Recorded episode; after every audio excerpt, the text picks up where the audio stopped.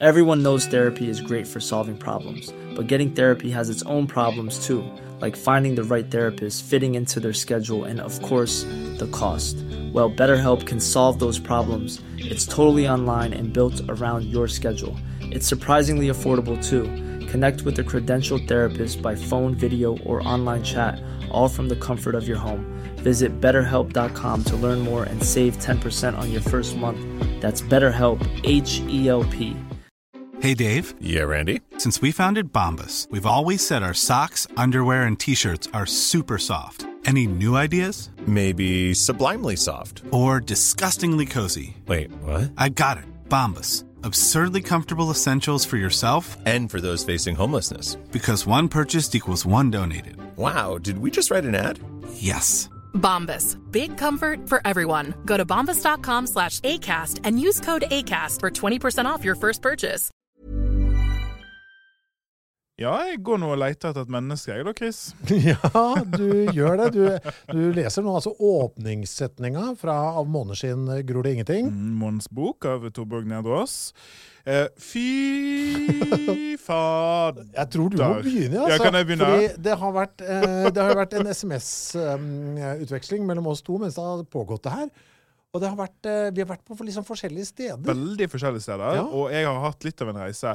Det blir sånn metakonstruert her før vi liksom begynner på selve teksten. Da. Men uh, dette er en bok som, uh, som jeg virkelig ikke likte i begynnelsen. Ja, Uh, jeg sleit gud bedre så mye med å sitte meg inn i den. ja. Og cirka jeg har, jeg har i boken når det endrer seg, jeg skal ta det etterpå, så går det altså 180 grader. Så dette, dette er veldig rart for meg, for vanligvis for meg så vet jeg om jeg liker det raskt. ja, Og så her så hadde jeg egentlig litt lyst til å gi meg. ja. Vi har jo inngått en avtale om at det er lov. Det er lov. Du vurderte det faktisk. Jeg vurderte det, og iallfall de, de, de første 50 sidene så var det sånn Hva er dette for noe traust ræl? Er det formen som eh, er formen. gjør det? Det er formen som gjør det. det er formen som gjør det. Og så skjønte jeg ikke helt hva det handlet om. Mm. Men så er det noe som skjer i løpet av de siste, altså de første 80 sidene der. Et brytningspunkt på ca. 80 sider. Hvor alt på en måte, det går fra å være veldig tåkete til å bli veldig konkret. Mm. Fordi det er mye sånn her eh, altså Kan man bare røpe allerede nå at formatet er en kvinne som er full Mm. og vrøvler og snakker i løpet av hele natten om livet sitt. Ja. Men det er jo poenget òg at når folk er fulle, så snakker ikke de sammenhengende. Ja. Og Formen er jo veldig stream of consciousness, og hun kommer på noe og mister tråden og bytter i tid, og vi er overalt, liksom. Men så er det noe som skjer at det blir mer skjerpa, Mm. spissere og bedre fortalt, da, i mine øyne, rundt uh, 80 sider der. Og da var jeg sånn Dette er noe av det beste jeg har lest. Ja, for jeg også hadde det, men det, det rare her for jeg, jeg, Når jeg leste det i starten her, så er det jo Så tenkte jeg også sånn Æsj. Det var også litt på det samme Jeg, altså, jeg likte det jo, da. Men jeg tenkte æsj, dette, dette burde jeg egentlig ikke like. Mm. For vanligvis så er ikke jeg glad, så glad i sånne bøker som er sånn, da.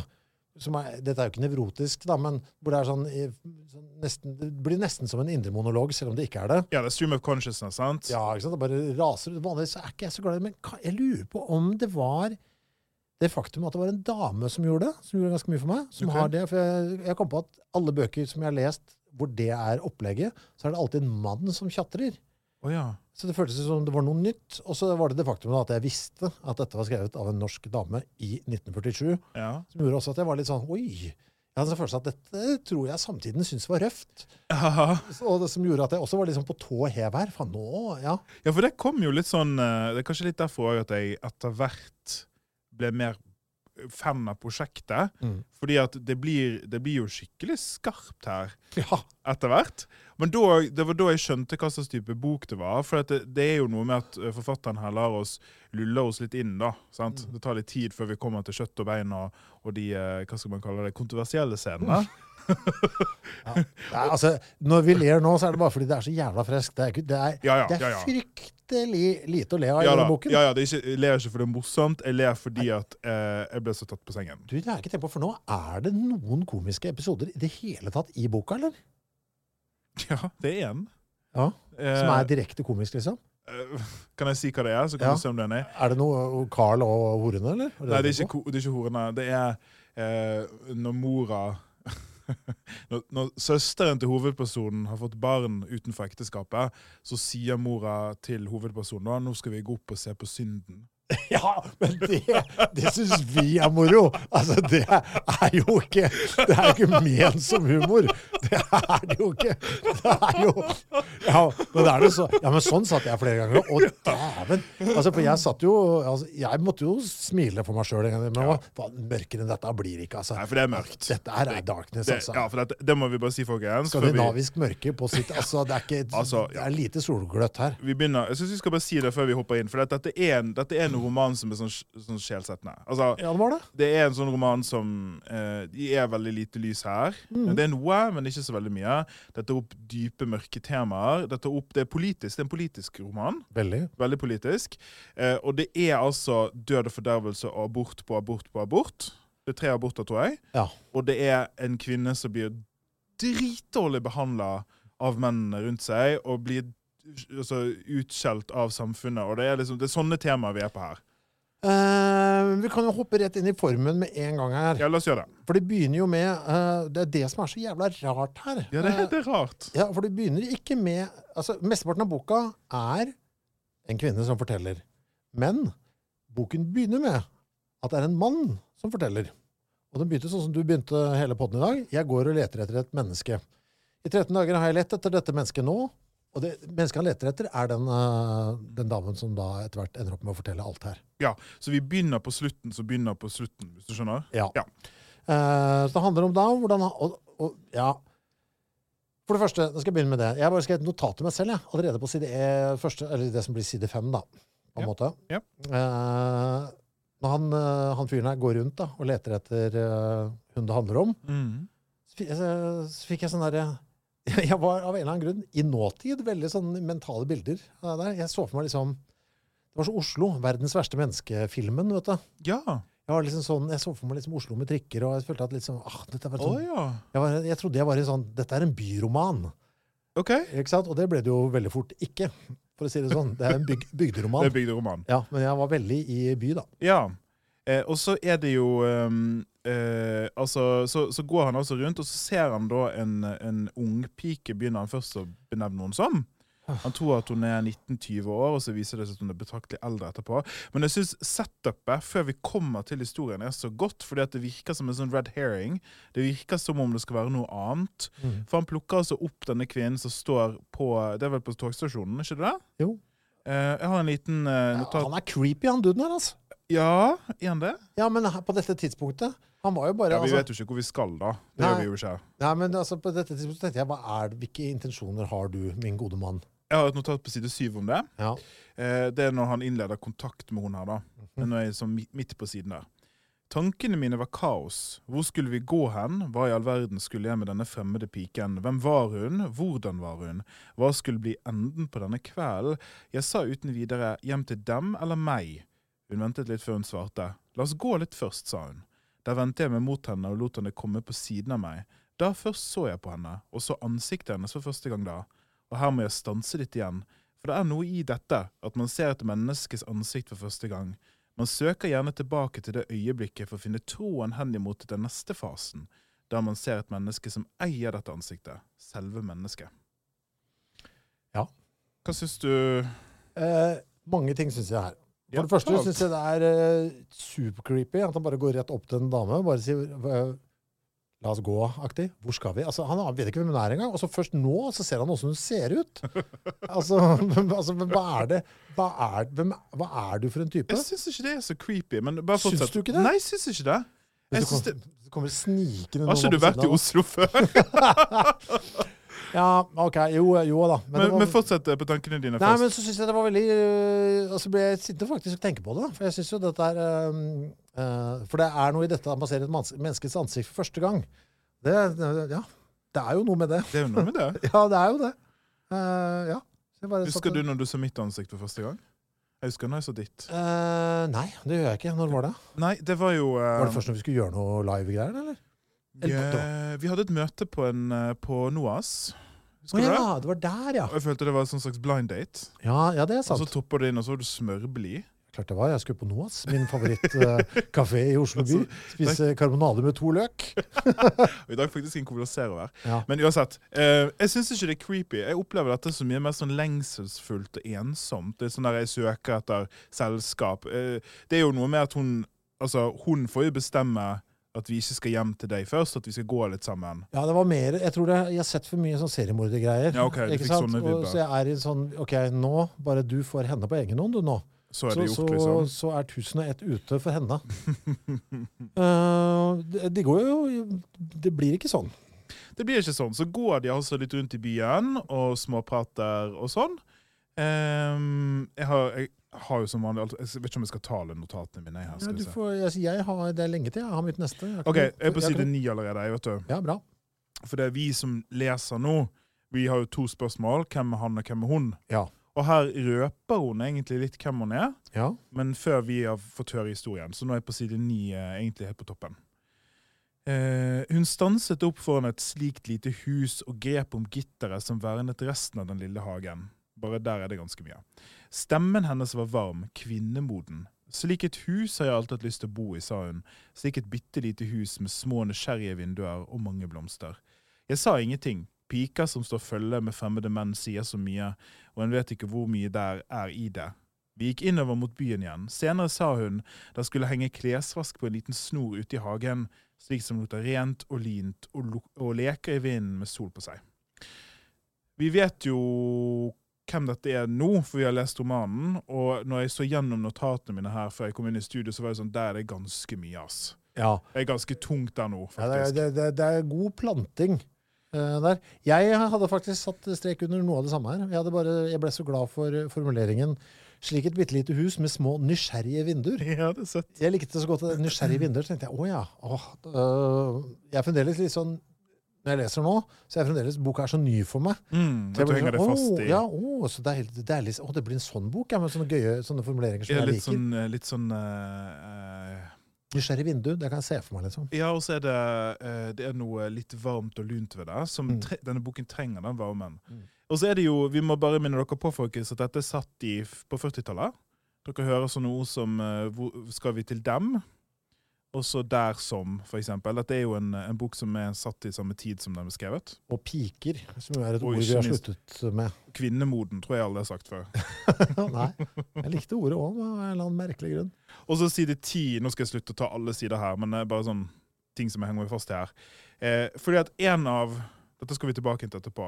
En av de store temaene i denne boken er ensomhet. Mm. Og hvordan vi søker etter selskap og partnerskap og blitt sett og hørt. Og det er jo, det ble stått opp her veldig tidlig. Nå er jeg på side ti nesten helt oppe. Til syvende og sist er det vel det eneste vi lengter etter. Varmen fra et medmenneske ved en side. Mm. Og det er jo på en måte en av de store temaene her. Eh, de kommer jo da uh, altså nå, ja, Vi må liksom ta høyde for at de som hører på, ikke har lest boken også. Så jeg føler at det, det blir en sånn blanding av uh, Cliff Notes og vår gjennomgang av boken. Men vi må nesten si det, da. Ja, si det. det si det Ja, du. fordi de kommer jo hjem, da. Ja, hjem til han. Hjem til han. Til slutt. slutt. hun eh, hun lurer på om han har masse røyk. Har du nok røyk? Altså, For det skal røkes. Å ja, det, det, det skal ikke bare det. Det skal drikkes. Det skal drikkes. Eh, jeg prøvde, og jeg gikk ikke tilbake igjen, som jeg lovet på en av de mellomepisodene vi har sluppet her, og telle over hvor mange enheter det ble. Oh, det mm. Men det ble fi, nei, fe, fire eller fem enheter etter at jeg begynte å telle. Og det er helt voldsomt i starten, så jeg tror nok vi er oppe i en 10-11, kanskje. Altså, gjennom hele boken her så Mm. driver han og fyller på glasset. Ja. Og hun blir fullere og fullere, men likevel stødig, da. Og så er det noe med at hun, hun driver hele tiden og sier at eh, Altså, Hun har en historie å fortelle, men hun er redd for å fortelle, og du kommer til å kjede deg sånn når jeg begynner å fortelle min historie. Du må ikke se på klokken. Her kjeder jeg meg veldig som leser. Her blir jeg sånn «Ok, Det orker jeg ikke. Kom til poenget. Men så etter hvert som hun får røket og drukket, ja. så begynner tungen å gli, og da eh, blir liksom historien manet ut. da. Jeg har bare en liten ting der jeg tenkte på deg. Mhm. Hvor er det nå? skal vi se, hvor er jeg nå, da? Eh, skal vi se, skal vi se Burde jeg være bekymret? Nei, jeg var faktisk på side 11. Det er ikke så viktig. Jeg skal lese det høyt for deg her. Men da, da, da skrev jeg Chris, bare. Uh, nå pleier jeg gjerne å kunne ta mine medmennesker så noenlunde på hva som først interesserer dem i min stue. Går de først til bokhylla, så er jeg ofte skeptisk. Mm. men med motsatt fortegn. da. Jeg Ja. føler at Hvis noen går til bokhyllen din, så blir du glad. Ja, det blir jeg glad. Det er, det er veldig sant. Han er jo, men Det sier jo litt om hvem dette er det jo han som sier, da. Altså, hun har ennå ikke begynt å fortelle sin historie her. Nei. Eh, men piker pleier å vise sin affeksjon eh, ved å stå henført foran et maleri. altså, det sier liksom sånn Altså, han har jo ikke et sånt eh, hoved... Eller, eller mannens person her er ikke vant til uh, den type besøk som han faktisk ender opp med å få her, da. Ja. Han, blir jo, han blir jo i sjokk. Han er jo sjokkskadet over uh, hvor mye kraft det er i damebesøket. Jeg opplever òg at, eh, at han blir helt tatt på sengen. Ja. Altså på alle måter. Jeg tror ikke han ante hva han fikk i hus. Nei, og så er det noe med at i begynnelsen så tror han at hun er veldig ung. Ja. Eh, og det får følelsen om at det er det han egentlig går etter. da. Så har han fått med seg en, en, en eh, moden kvinne hjem med en, en historie. Mm. Og det er jo den historien denne romanen handler om, eh, fortalt med en ærlighet som har sjokkert på 40-tallet. ja. Vi kommer sikkert til det etter hvert. Hun er jo hele tiden Hun begynner jo ikke å snakke med en gang. Eh, altså, hun snakker jo, men hun begynner ikke å fortelle sin historie, som jo da er egentlig selve boka her. Hun, hun sier jo hele tiden at hun er, eh, hun er redd for at han skal kjede seg. Ja. Eh, som hun sier også. Hvis du ser på klokken, da vil jeg dø av skam. Eh, hun vil at han skal liksom ta imot. Og han, ja, hun vil ikke begynne å snakke hvis ikke han bare kan love at han skal høre på alt. For hun må få sagt alt.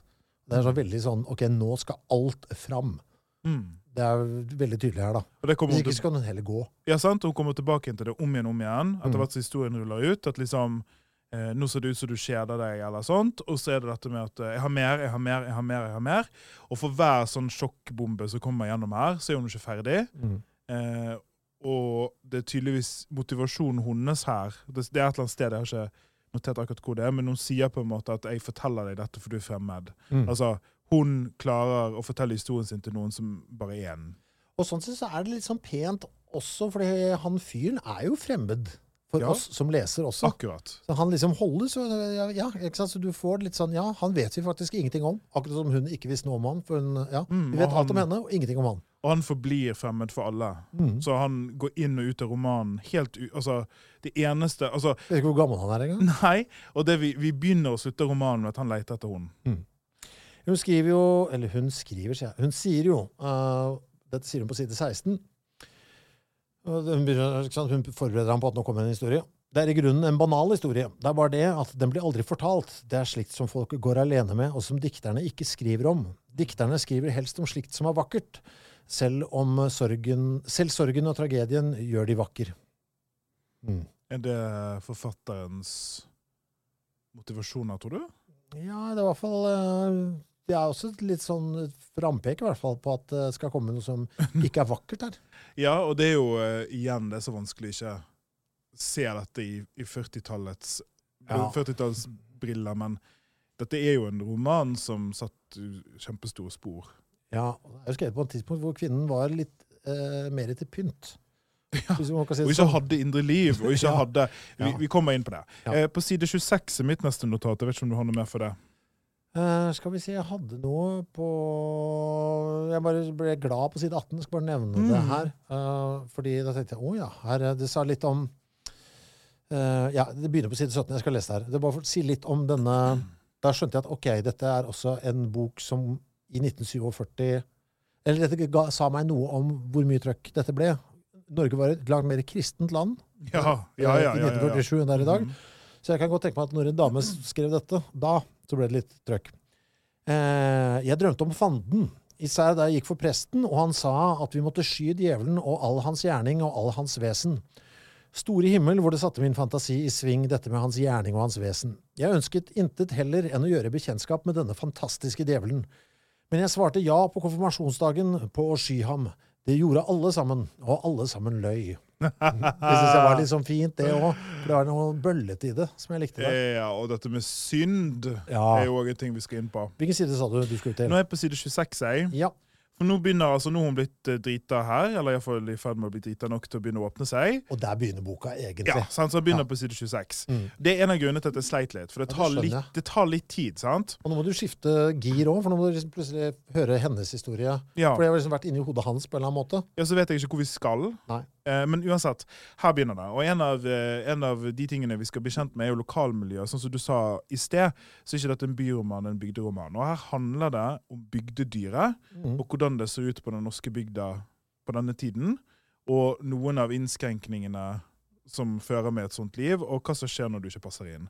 Og der er det en sånn skrevet igjen med den samme lunheten som nysgjerrige øyne. Eh, nå er jeg på side 26, midt i der, over på side 27. Folkene der er en slags havresuppe. Ja, slik er det. De er, nok, de er en ganske bestemt slags havresuppe. Og alle har å smake ens å være et gryn i havresuppen. Og ved den så kommer det til å være noe annet enn et havregryn. Ja, du ler. Det er slik.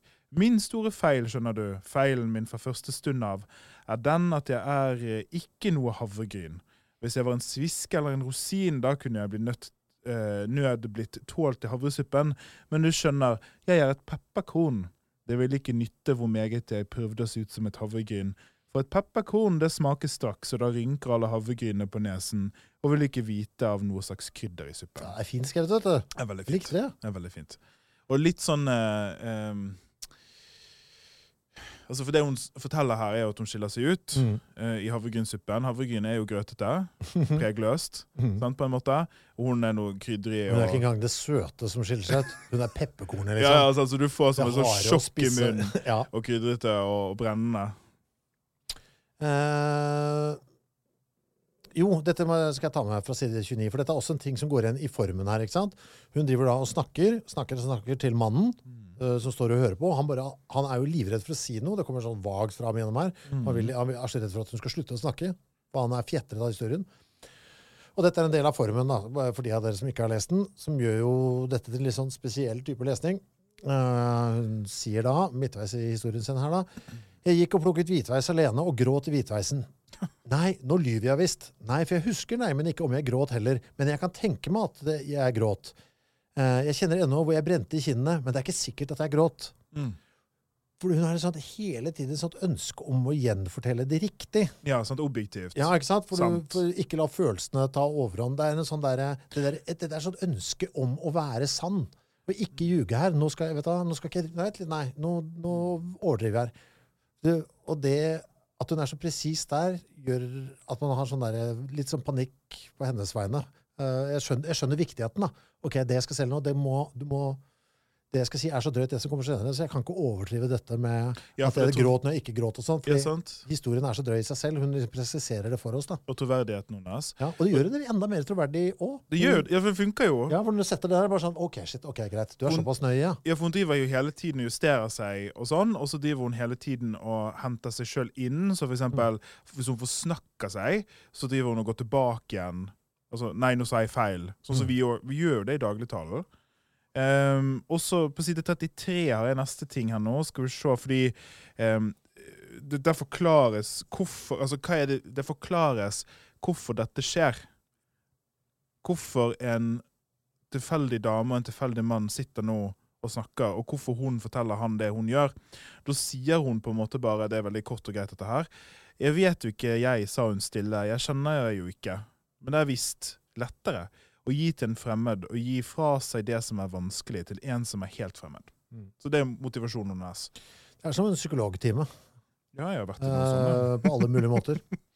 uh, ja eh, eh, hva, hva er det hun forteller, da? Uh, på dette tidspunktet? Hva er det noe rukket å fortelle oss uh, når vi er rundt her? Ja, det har ikke skjedd så mye helt ennå. Uh, vi har på en måte fått Vi har fått eh, denne bygden har hun begynt å skildre. Mm. Vi vet at uh, det er noen gutter her.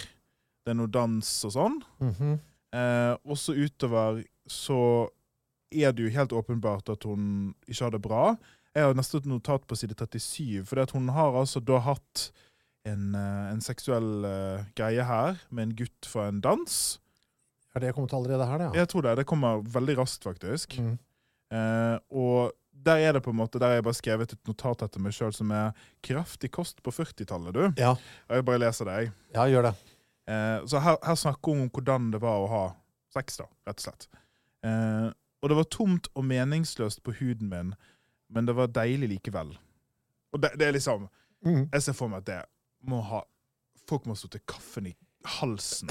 Ja, for det som er litt, det som er litt sånn Altså, jeg, jeg, jeg vet ingenting om åssen det var da, og hvor friskt og ikke friskt det var, men jeg kan bare innbille meg at det ikke var så mye snakket om at eh, jenter kunne oppleve kåthet i det hele tatt. kan, nei, og at hun kan sitte og si Ja. at det var faktisk deilig å ha sex. Altså, det er jo noe med å huske for oss òg. Mm. Igjen, jeg levde ikke på 40-tallet, men jeg har noe grei innsikt i hva som beveget seg på den tiden. Og ja. dette med, med en viktig del av kvinnefrigjøringen er jo på nett- nettopp det som kommer i 68. Mm. Så det er jo veldig forut for sin tid. Og det er jo noe som pepret. Hun, hun skildrer på en måte altså sex her i, som akt, men litt sånn uh, For oss med moderne blikk, en sånn selvsakthet. Mm. At selvfølgelig var det deilig, ja. men jeg ser for meg at her må det ha blitt furore, altså. Byen, eller det lille stedet hun bor på, heter jo Gruben. Gruben, ja. Det kan vi ha i bakhuet. Men har vi noe navn på henne? Nei. Hun får aldri noe navn, ikke sant? navn. Hun er helt Nei. navnløs. Og det er jo veldig fint. Det er Ja, veldig er pent. Veldig... For da blir vi som han, altså han som sitter og hører på, vi vet ikke engang navnet hennes. Ja, for det slo meg ikke før nå. Faen, jeg har jo ikke noe navn på deg. Niks. Hun fins jo òg, vet du, i hodet mitt nå. Det er det som er litt Ja, Jeg òg har hun levende inni meg. Ja. Uh, 43 er noe nå, skal vi se. Mhm. Du får jo bare si hvis du har noe før. For her begynner historien å rulle ut, så nå har vi på en måte hatt uh, For hun er 18, da. Altså Nå er vi tilbake til, til denne hovedpersonen. Hun var 18, og hva som skjedde da. Og da sier hun noe med hvordan det er å være hun, da. Uh, så nå er jeg øverst på side 43 her. Der oppe hos oss, det er noe for seg selv. Kanskje er det slik andre steder også, men særlig oppe i Gruben og i byen vår. En må være slik som de andre er. En må ikke ha det vondt, ikke verre enn andre. Og en må ikke ha det moro, i alle fall må en ikke vise at en har det moro. Ja, for det er verre enn alt det å vise seg glad. Og framfor alt så må en aldri være annerledes enn en pleier å være. De tåler ikke overraskelse av noen. En pike som aldri går på dans ikke bryr seg om å kysse guttene, for eksempel. En pike som går og blir blekere og tausere og styggere og mer huløyet for hver dag som går. En slik som går i kirken og gråter under salmesangen. Hun må ikke plutselig en dag gå på ungdomshuset og danse og le og drikke en støyt med guttene bakom låven, slik som de andre pikene. For da blir det jordskjelv i Gruben og nede i byen.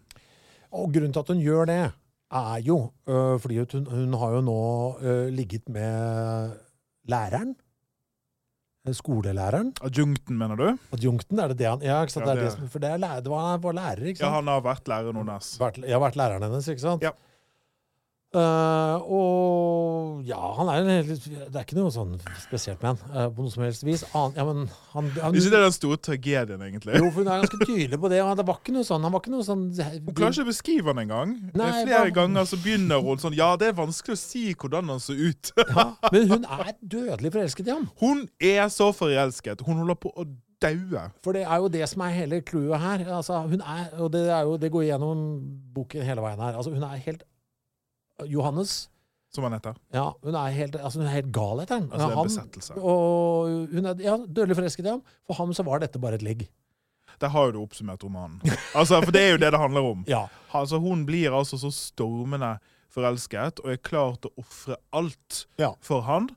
Og han syns at det er hyggelig en gang iblant med et ligg og litt prat. Det er Ikke lite metoo i dette, vet du. Åh, Men det er jo litt med universaliteten i det òg, da. Ja, som er, ja jeg veit. Selv om det er på 40-tallet. Ja. Uh, nei, og så vil han jo Han syns jo, ikke sant Du må jo ikke sant, Han vil helst ikke at de skal, de skal synes på noe som helst vis. da At de har hatt noe greier gående. Det, jo, det er derfor hun er nå da og sitter i huløyd inne i kirkerommet, som du beskrev. Mm. der, Og hun drar på disse, denne dansen for å henge med noe Ja, ikke sant? Fordi bare han later som han ikke kjenner henne. Han er fremdeles bare 'jeg er din tidligere lærer'. Og de- Han har ikke tatt noe ansikt i bygda. De går forbi hverandre i gaten, og han later som hun ikke ser henne. Ja. Og inni seg så er hun på en måte så eh, nakent forelsket, men samtidig må ligge bånd på seg. Mm. Eh, jeg har litt om synd, jeg, Hvilken side? på side 44 her. Ja, det har jeg òg. Vil du ta det? Ja, jeg begynner fordi først så er hun eh, Ikke sant eh, Du skrev, du skrev jo akkurat, ikke sant? Hvordan hun da eh, Ja, hun var jo en da som tydeligvis eh, går i kirken og gråter under salmesangen, da. Ja. Jeg så ut som døden til slutt. Altså, nå er hun så kjærlighetssorg her, fordi at hun får ikke Ja, ja, hun er helt ødelagt. Uh, um, uh, kanskje, altså, ja. kanskje hadde jeg håpet at jeg skulle finne noe av den trøsten som andre finner i denne småtenkte og mektige dommeren som de kaller Gud. Han som menneskene beskylder for å ville hevne de samme driftene som han har skapt hos oss. Han som har skapt kjærligheten hos én, men som glemmer å skape den hos den andre. Åh, Da altså, syns jeg var så bra skrevet! ja, da fikk en gåsehud. Ja, jeg ble så jævlig Fy faen! Og det der, der jeg prøve å oversette til engelsk og rappe rett inn i en tekst med dogs. Fy faen, det var faen så deilig å Ja, det er altså så bra. Eh, Jævla Torborg. Ja, Torborg. Da var du god, syns jeg. Torborg her. Jeg syns hun var veldig god. Vi Men det kommer jo mer der, altså. Ja, ja, ja, det, jeg har merket masse, men vi kan ikke ta alt. Men uansett, eh, hold knappen på kirken. Vi skal tilbake til kirken etterpå. ja, Kirken eh, og synd er viktig i denne boken. Uh, OK. Og så ruller det av gårde, da, vet du. Det er dans i ungdomshuset, og det er noe eh, eh, Jeg syns det var en annen setning jeg må ha siden på side 45 òg, som jeg syns var, så, Mm, var så jævla fin setning. En som får tonekransen rundt hjertet som den første bitre gaven i livet, den blir ikke så lett opprørsk. Tornekransen rundt hjertet som den første bitre gaven i livet. Fy faen, der er du Altså, de, jeg- tror det er rundt her at jeg sendte vi, vi hadde litt sånn kontakt, og jeg var bare sånn Nei, nå elsker jeg det. For her er det altså bare se om jeg finner det. Gode formuleringer av darkness Ja, eh, rundt her, liksom. Eh, ja, og det er jo um... Altså, ser, han ser den opp mot alteret òg, vet du. Tavlen er plassert slik Ja. at øynene ser mot prekestolen, og smerten, den sviende, stivnede smerten, den lever i dette drepte ansiktet. Den lever i all evighet der, vendt som en forbitret anklage mot selvtilfredsheten og dømmesyken og grusomheten hos den som selv, så, så bra, som selv er så bra at han kan stå der og presse tornekransen rundt hjertet på den som Satan har viet til kjærlighet. Gud hjelpe, det blåser eh, det Her blåser det. Her blåser det. eh, Det er jo litt, eh, litt det med at, det er en politisk roman. Mm. Det, det, det er spesielt to ting her. Den ene er kirken og dobbeltmoralisme. Det er en sånn skikkelig Altså det er et opprør her. Den andre er jo aborten. Ja. Men det kommer vi til. Og ja, vi kommer også til det siste her. For, for enn så lenge så er det mest på dette tidspunktet, når jeg er på rundt side 50, så har det vært, mest Hun er forelsket i Johannes, får ikke dette tilbake eh, fordi han vil ikke kjenne i at han har liksom ligget med noen, for det blir rykter i bygda og sånn. Og sånn. Og enn så lenge så hadde jeg en sånn følelse at dette er en bok som skal handle om religion primært. For det er liksom religionen og det derre Er når det man skal gifte seg. Mm. Så enn så lenge så er det liksom mest religion Ja, som legger bånd på de, føler jeg. Og, og så etter hvert så kommer disse lagene da, ja med seksualmoral, som også er religion, da. men Ja. også fattigdom og klasse og Ja. ja. Skal vi gå rett på det? Fordi at eh, vi blir jo kjent med Nå er jeg på side 55. Jeg. Mm -hmm. Vi blir jo kjent med familien hennes. ja. Eh, og hva slags type vilkår det er. Og det er altså enda, Hvis du syns at det var, har, har vært litt lyst enn så lenge, så blir det enda verre. Eh, og det, altså Hun kommer fra et lutfattig hjem. Mm. Og hun har en mor og en far, og det er eh, krangling og fyll. Og eh, hun hater hun moren. Ja. Kan vi si det? Jeg har en liten skildring her på 55. Det er det som er så, det er også jævla godt beskrevet. Ja. Det er veldig godt. Eh, Jeg bare tar skildringen, så kan vi snakke om det. Så her snakker, han, snakker altså da hun om moren sin. Min mor bar vann. Men Jeg kan nesten bare huske at hun bar tunge vassbøtter. 20 minutter måtte hun gå for å hente vann. Min søster bar gjerne når hun var hjemme. Hun var svært snill mot mor, men jeg var ikke snill. Ikke bare var jeg, fordi jeg var uvillig, men fordi jeg bar nag. Jeg gikk og hatet min mor fordi hun bar på disse vassbøttene. Kan du skjønne slikt? Jeg skjønner det knapt selv. Men det vred seg i meg allting når jeg tenkte på at hun gikk der og ble grimet i ansiktet og hul i brystet av å bære. Hun vasket trappene og skurte kjøkkenet, og hun laget mat og hadde aldri nok penger og gren på at far brukte for mye til tobakk.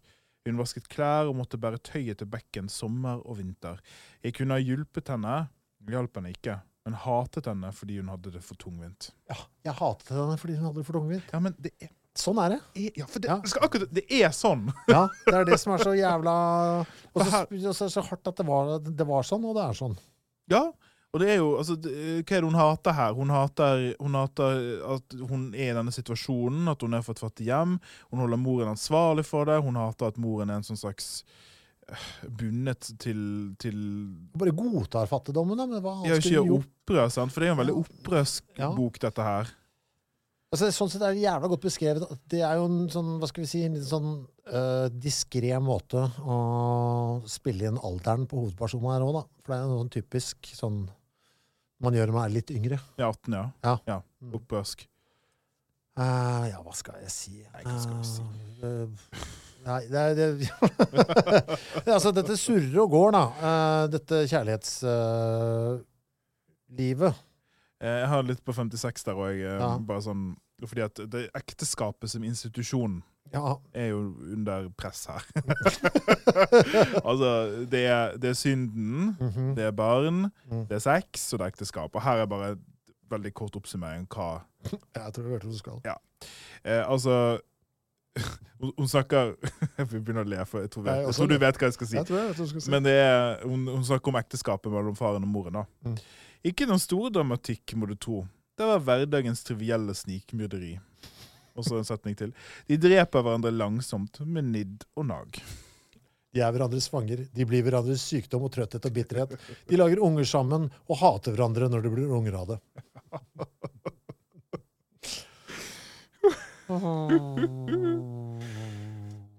Ja, nei, det, altså, De bor jo i jævla fatt, eh, fattigdom. Faren jobber i Er det gruva han jobber?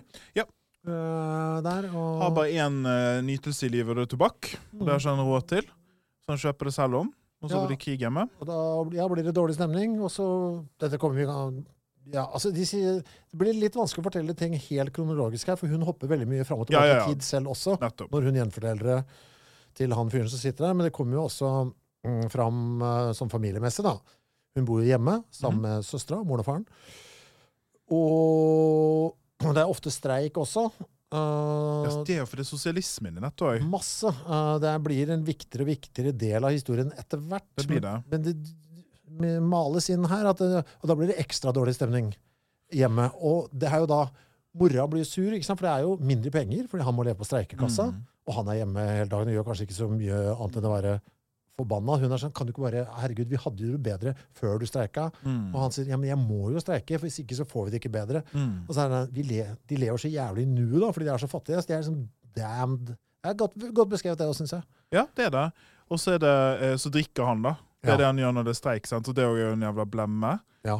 Og så går hun her, eh, hovedpersonen, midt inn i det her opplegget. Og det er jo, for der har vi, Når du snakket om lag i sted, jeg syns vi skal fortsette med å skildre de lagene. For det da har vi ligget på et lag til her. Nå er det klasse.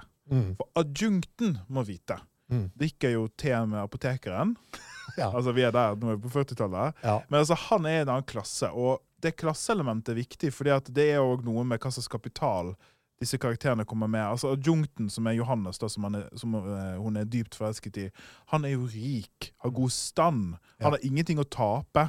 Mens hun som er fra fattig kår her, hun har jo ingen kapital, altså rent sånn økonomisk, selvfølgelig, men òg i øynene til de andre som bor i byen. For hun har jo et stempel på seg. Mm. Og det stempelet blir tyngre og tyngre etter hvert. Nå har hun eh, hatt sex med en mann i skogen. Hun har hatt sex med han. Hun er ikke gift. Mm. Hun er 18 år. Hun er fra fattig kår. Og etter hvert som romanen snirkler seg mer og mer inn, så blir hun mer og mer utstøtt. Ja. Og det jeg tror hun skildrer her med disse fattigdomsgreiene, det er at det er et slags stempel som du aldri blir kvitt.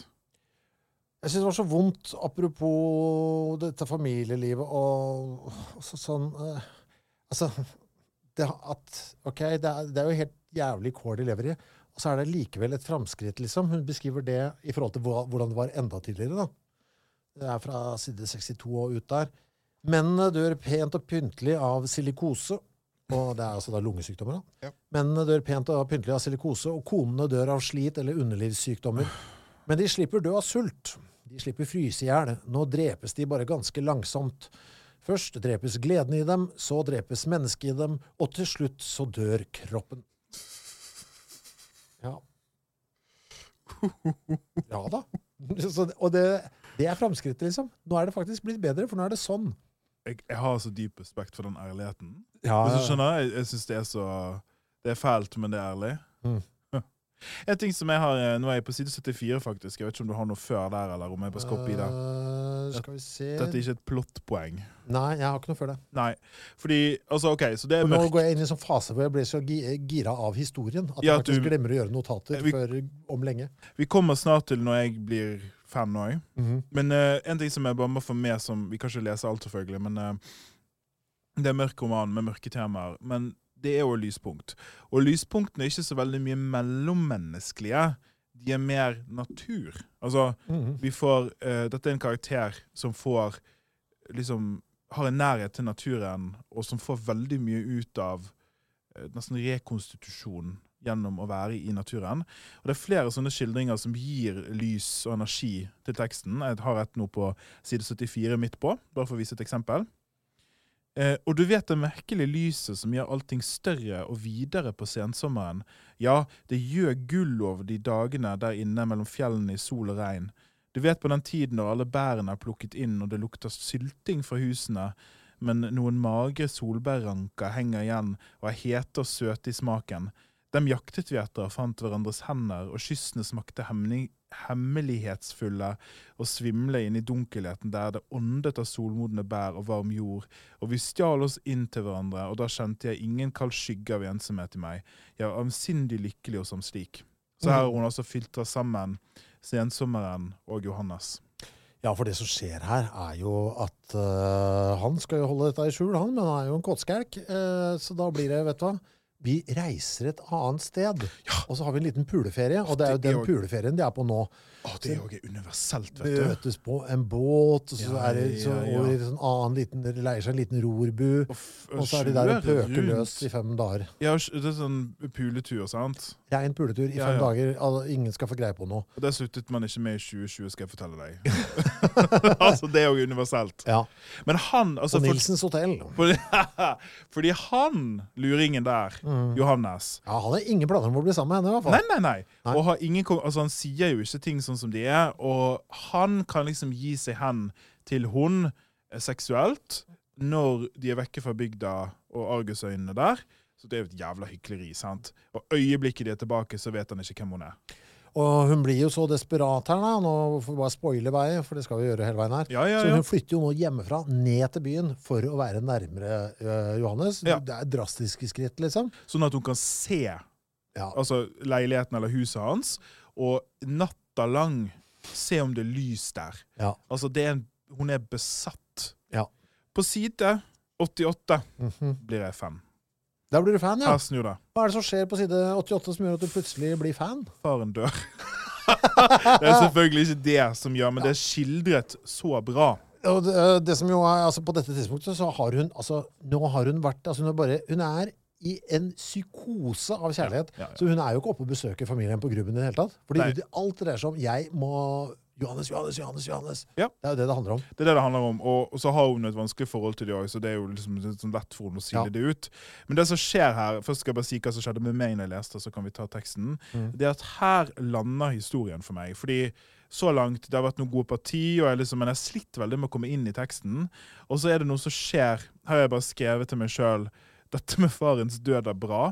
Og grunnen til det, det er fordi at det er et slags vendepunkt. Mm. Eh, Det er liksom nå begynner ting å skje. Jeg har egentlig markert alt her, så vi kan ikke ta alt. Har du noen notater her med Rundt farens død? Ja. Nei, jeg har bare notert øh, at her skjer det, øh, på en måte. Eh, ja, jeg bare tar et lite avsnitt bare for å liksom skape litt stemning. Eh, så nå skal hun altså besøke familien etter å ha vært vekke veldig lenge og vært besatt av Johannes. Men litt glede til meg, for jeg hadde gave med. Jeg hadde en fin ting til min far, en liten tønne med messing, tønnebånd og lokk og full av tobakk, og sigarer og en appelsin. Eh, de andre fikk bare appelsiner. Et pent Jesusbilde hadde jeg dessuten til min bror. Jeg hadde kjøpt det fordi det var en som gikk og solgte, og han hadde bare én arm. Men jeg tenkte at nå skulle jeg i alle fall gjøre det godt for min far og være hyggelig med ham. Ja, så fikk jeg vite med det samme jeg sto i døren, at min far var død for noen timer siden. Der ble jeg sånn Nå er jeg med. Nå begynner jeg. For det er så, det er så Den brutaliteten der, med at hun plutselig bare står der og ser han død, det føles også, som livet. Også, vi vet jo at hun er så fattig også, for hun bor jo på dette. Hun har ikke råd til å bo på det Nei, der lille kjøpt masse fine ting Og, nå, til de masse, nå skal han gi, og faren skal få de der sigarettene som de alltid krangler om. Ja, ja, ja, ja. Nå, skal, egentlig, nå skal alt løse seg. Og så kommer det opp Nei, han, er, han er akkurat daua, han. Han ligger jo faktisk og lukter eh, innpå Det er jo sånn likskue. Ja. Eh, Så han ligger jo Ja, ja, det, daud det er for seint, liksom. Ja. Og moren er krakilsk, og hvorfor har du, du har feila oss, liksom. Ja. Det er et fint lite sitat her på side 89. som jeg, Det er bare tatt ut av kontekst, men det er sånn, dette her er sånn du kan få en tatovering av, liksom. Jeg tror jeg skal tatovere dette. Eh, det er ikke plass til mer enn et visst antall ulykker i et menneske på en gang. ja. Oh, Og så må jeg bare ta det jeg sa ja, jeg må si det mora sier òg når hun kommer. da. Ja, nå ligger han der. Nå er du vel fornøyd, sa han til meg. Nå kan du komme, nå. Han spurte etter deg, ingen av, og ingen av oss andre til slutt. Han fikk ikke fred i døden, sa hun, for du har forbannet døden for ham. Han ville ikke vite av presten, så nå er han evig forbannet, og det er din skyld. Det er moras respons. Velkommen hjem. eh, Velkommen hjem. til din døde far. Ja. Eh, Åh, jeg ble kald. Vi sitter litt i kjølig rom, så jeg Ja. kan bare, bare ta på meg genser. Ja. Mm. Um, og så bare det som jeg, altså, som jeg sa, var et eksempel på humor. Jeg må bare ta deg. um, så nå liksom er vi midt i dødsleiet her, og, og søsteren har fått barn da utenfor ekteskapet. sant? Oppi alt mulig. Uh, så skal vi se. Det var noe i stemmen hennes der oppe. Jeg hadde ikke hørt det før, og kjente jeg ble langsom varm i ansiktet. Ungen skrek, og han hylte ikke av sorg over min far, men fordi han ville ha mat. Og jeg kjente hjertet mitt, og det var liv i det. Og min mor an tørket ansiktet sitt med forkleet og spurte om jeg ville bli med opp og se på skammen vår. Å, fy faen. Bli med opp og se på Skammen, ja. Ja, men da, da er det jo satt, da, hva, hvordan holdninga blir her. Hvis du hvis du får en unge utenfor ekteskap. Ja. Det ordner seg jo for søstera etter hvert. Hun blir jo gift med Ja, tvangsgift, på en måte. Ja, litt da. sånn mot sin vilje, men blir litt sånn glad òg. Fordi det er jo en ting vi må bare ta her. Vi må bare ta den floken før vi går videre. Eh, vi glemmer dette, folkens. De, de fleste av oss har glemt dette, tror jeg, eller tenker ikke over det. I dag, hvis du får barn utenfor ekteskapet, så er ikke det en big deal. Nei. Men her Ja. er det faktisk så skammelig, så fælt, så syndefullt, at ikke bare eh, Det er jo en annen historie med en annen som har fått et barn utenfor ekteskapet, så der faktisk ungen blir tvunget til å være inne hele dagen, og får ikke komme ut, og blir syk av det. Fordi at moren tør ikke å vise fram skammen til de andre innbyggerne i byen. Så ille og skamfullt er det. Eh, hun blir jo gift, søstera, og det blir jo beskrevet her, da, akkurat det du snakka om nå, på side 92. Ja. Eh, skal vi se Det var noe galt med hele gifteriet, syns jeg. Altså giftermålet til søstera, da. Uh, samtidig innså jeg jo at det gikk ikke an å ha barn uten. Altså uten å være gift. Men jeg var begynt å spekulere på hvorfor det ikke skulle kunne gå an. Hvorfor er det slik en skam og en ulykke? Og ja, moralen, forelskelse og galskap. Men hva er det som er så moralsk ved at en mann skal være tvunget til å ligge med en jente han ikke er forelsket i lenger? Ja, hva er det med hele akten når den er ribbet for forelskelsen og galskapen, og når den nesten øves med uvilje? Eh, ja. Ja, ja. Mm. Ja, ja. Ja, da- ja, Ja, ja. ja. Men eh, det, og det, ja, jeg vet da søren. Det blir liksom, det lures inn her nå at det her er liksom en som Ja, hun tenker jo da, hun er et pepperkorn her, da, i dette I havregrøten. Ja, havregrøten i gruben. Og er jo altså, For her begynner vi å få eh, det som er det politiske i romanen. Mm. Som er et opprør. Altså det, er et, det er et sterkt opprør mot hykleriet her. Mot at hvorfor er det sånn altså det er jo, Hun har jo beskrevet det selv i teksten. Men at dette er en sånn ting som alle blir ulykkelige av. Det er jo helt tydelig. Blir, mannen blir ulykkelig, kvinnen blir ulykkelig, barna blir ulykkelige. Det skal jo sies at på dette tidspunktet så er hun jo gravid sjøl også. Ja. Det er jo Det er jo et altså, viktig mens poeng alt her! dette står på, så har jo Hun skjønner jo uh, der, så hun er jo da Hun har ikke sagt det til Johannes uh, der. Altså, og hun ser jo hva som går med søstera. Hun bor i dette grusomme lille rommet, kikker over og ennå Hva skal jeg gjøre? Han vil ikke vite av meg. Jeg har hans barn. Og ja mhm. og det, er, det er bygd opp til et sånn deilig drama her nå. Uh, vi skjønner Ja. jo at det må jo konfronteres. det må konfronteres, og håpløsheten, men så vil hun ha det, men så kan hun ikke ha det, og så masse greier som er liksom Alt kommer bare tilbake til at dette barnet Verden ønsker ikke dette barnet. Det er noe som sies ofte òg. At når du får barn utenfor ekteskapet, så føder du et barn inn i en verden som hater barnet. Ja. Så det er jo en sånn byrde som henger på henne. At skal jeg faktisk få dette barnet, så går det dypt utover barnet. Ja. ja, ikke sant? Det er jo ikke til barnets eh, beste Det, er, det er sånn lus-lus. Altså, det eneste som er en vinn-vinn, er hvis Johannes sier eh, ja, vi gifter oss. Da er jo alt løst. Men det vil han ikke. Nei, det vil han ikke. uh, er det nå Jeg har, uh, mitt neste er det som jeg kaller abortkapitlet. ja, hvor er, ja, Det er på side 106. ja. Abort 1? Abort 1, ja, for det, det kommer flere her. Mm. Uh, så det som skjer hvis ikke du har noe annet før Han spytter jo i penger. Johannes. Ja. Det er hans løsning. La oss ta det. Ja.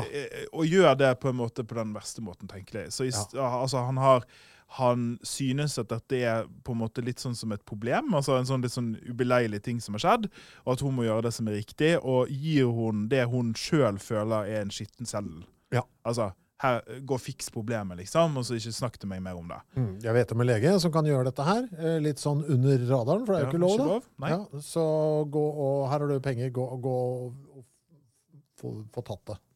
Og så er det jo et, eh, en, eh, et kapittel her som er fælt, Mm. men ærlig og brutalt, og det trengs. Vi må høre dette.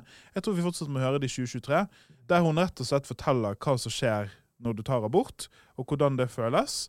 Eh, og eh, jeg tenker på sinne som i to Det kommer to variasjoner på sinne. Den ene er rødglødende og kaotisk, den andre er hvit. Og dette er et hvitt sinne. Dette er et ulmende sinne. Og jeg tar det bare på toppen av 106, jeg. Ja. Jeg undrer meg på om det er noen menn som skjønner noe av hva en kvinne føler på et slikt legekontor.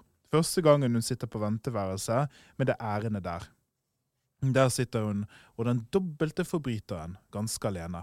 Ja, dobbelt. Hun har jo syndet, det er det ene. Og så vil hun ha ham til å hjelpe seg med noe som er en forbrytelse. For det er en forbrytelse. Du har sett bilder og plansjer av de små fostrene. Det er en utvikling så rivende og forunderlig, en levende livsutfoldelse av celler som slutter seg til celler som forandrer seg lovmessig fra dag til dag, ja, fra time til time, noe som grådig suger næring til seg, og som allerede fra første øyeblikk har fått utdelt sine evner og anlegg fra et ukjent uttale av forfedre. Ja, en forundringspakke av anlegg som er et menneske i all evighet. Og dette skal drepes. Dette stykket evighet av et menneske blir drept hver eneste dag.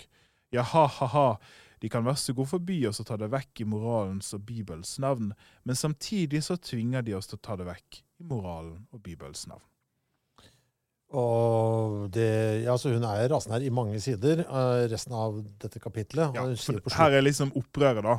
Altså dette abortkapitlet. Det er og det som er litt så gøy, fordi eh, hun sier jo også da, hun forteller jo dette, da huske det, hva som egentlig skjer her. Hun sitter jo bare og gjenforteller dette i et rom til en vilt fremmed mann. Mhm.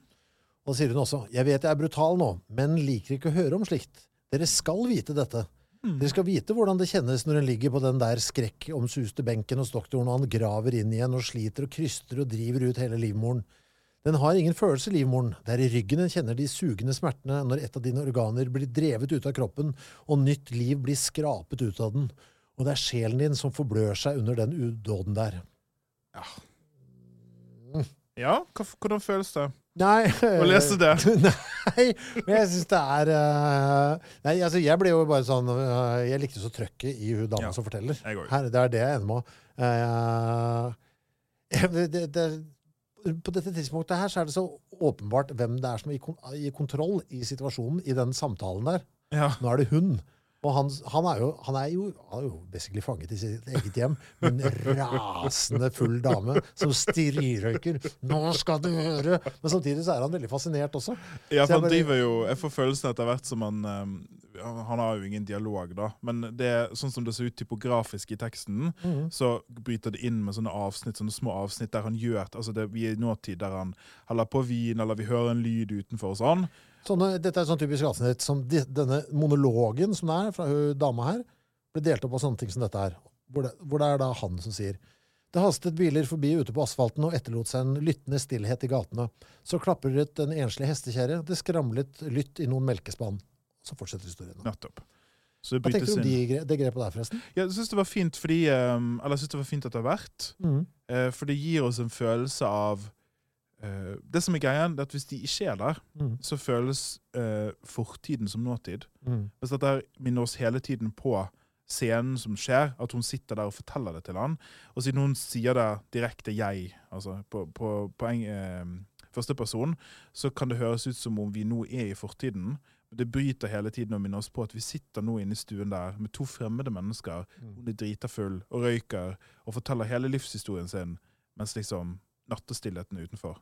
Og Så likte jeg også at det er en som forteller oss litt om hvor lenge hun snakker. For det begynner med at det er lyden av folk som går hjem fra byen, og så er det lydene som beskrives, er byen som begynner å våkne opp igjen. Søppelmennene som kommer, og melkemenn og hva det enn er. Er folk som går på jobb. Ja, så du får skjønne Shit, den, hun prater Det er, det er natten lang. Ja, ja, altså helt er- ut i morgenen. Ja, dette er en seks og en halv timers lang eh, rasende monolog. Og også lei seg-monolog. Det er ikke fly forbanna. Ikke Nei, hun er, hun er sint, og det er jo en ting at det er en karakter. altså eh, Hvis vi Ja, Opprørt er vel det rette ordet, kanskje. Ja, og rettferdig opprørt. Det er liksom, Hun er ikke hysterisk, da. Nei, det er ikke det, faktisk. Dette dette er en kvinne som For Hun prøver jo å være så saklig. Hun, vil jo at det skal være riktig. Ja, og når hun forteller òg, det er ikke på en måte det, det politisk. Hadde en mann snakket sånn, mm. så hadde vi alle bare klappet. Men når en kvinne snakker sånn, så skal vi på en måte bare løpe unna, og det kanskje vi forholder oss til.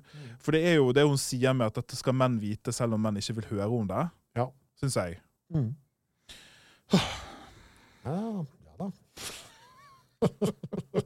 Jeg har en, bare for å Hvis vi var Hvor er du nå? Nå er jeg på side 119. Ja. Eh, hvis, vi, hvis vi var i godt humør i dag, så har vi en annen litt sånn ting jeg skal tatovere på kroppen min. Ok. Det er en sånn eh, to-liners her. Mhm. Jeg elsket ham med en vanskapt lidenskap. Da han var godt, synes jeg at alt som var godt i meg, var drept. For dette romansen med Johannes, vet du. Mm. Altså Nå har hun tatt abort, Mm. eh, betalt av han. Eh, og hennes lidenskap og kjærlighet for han har ikke dabba av av det. Hun Nei. er fortsatt desperat forelsket i han.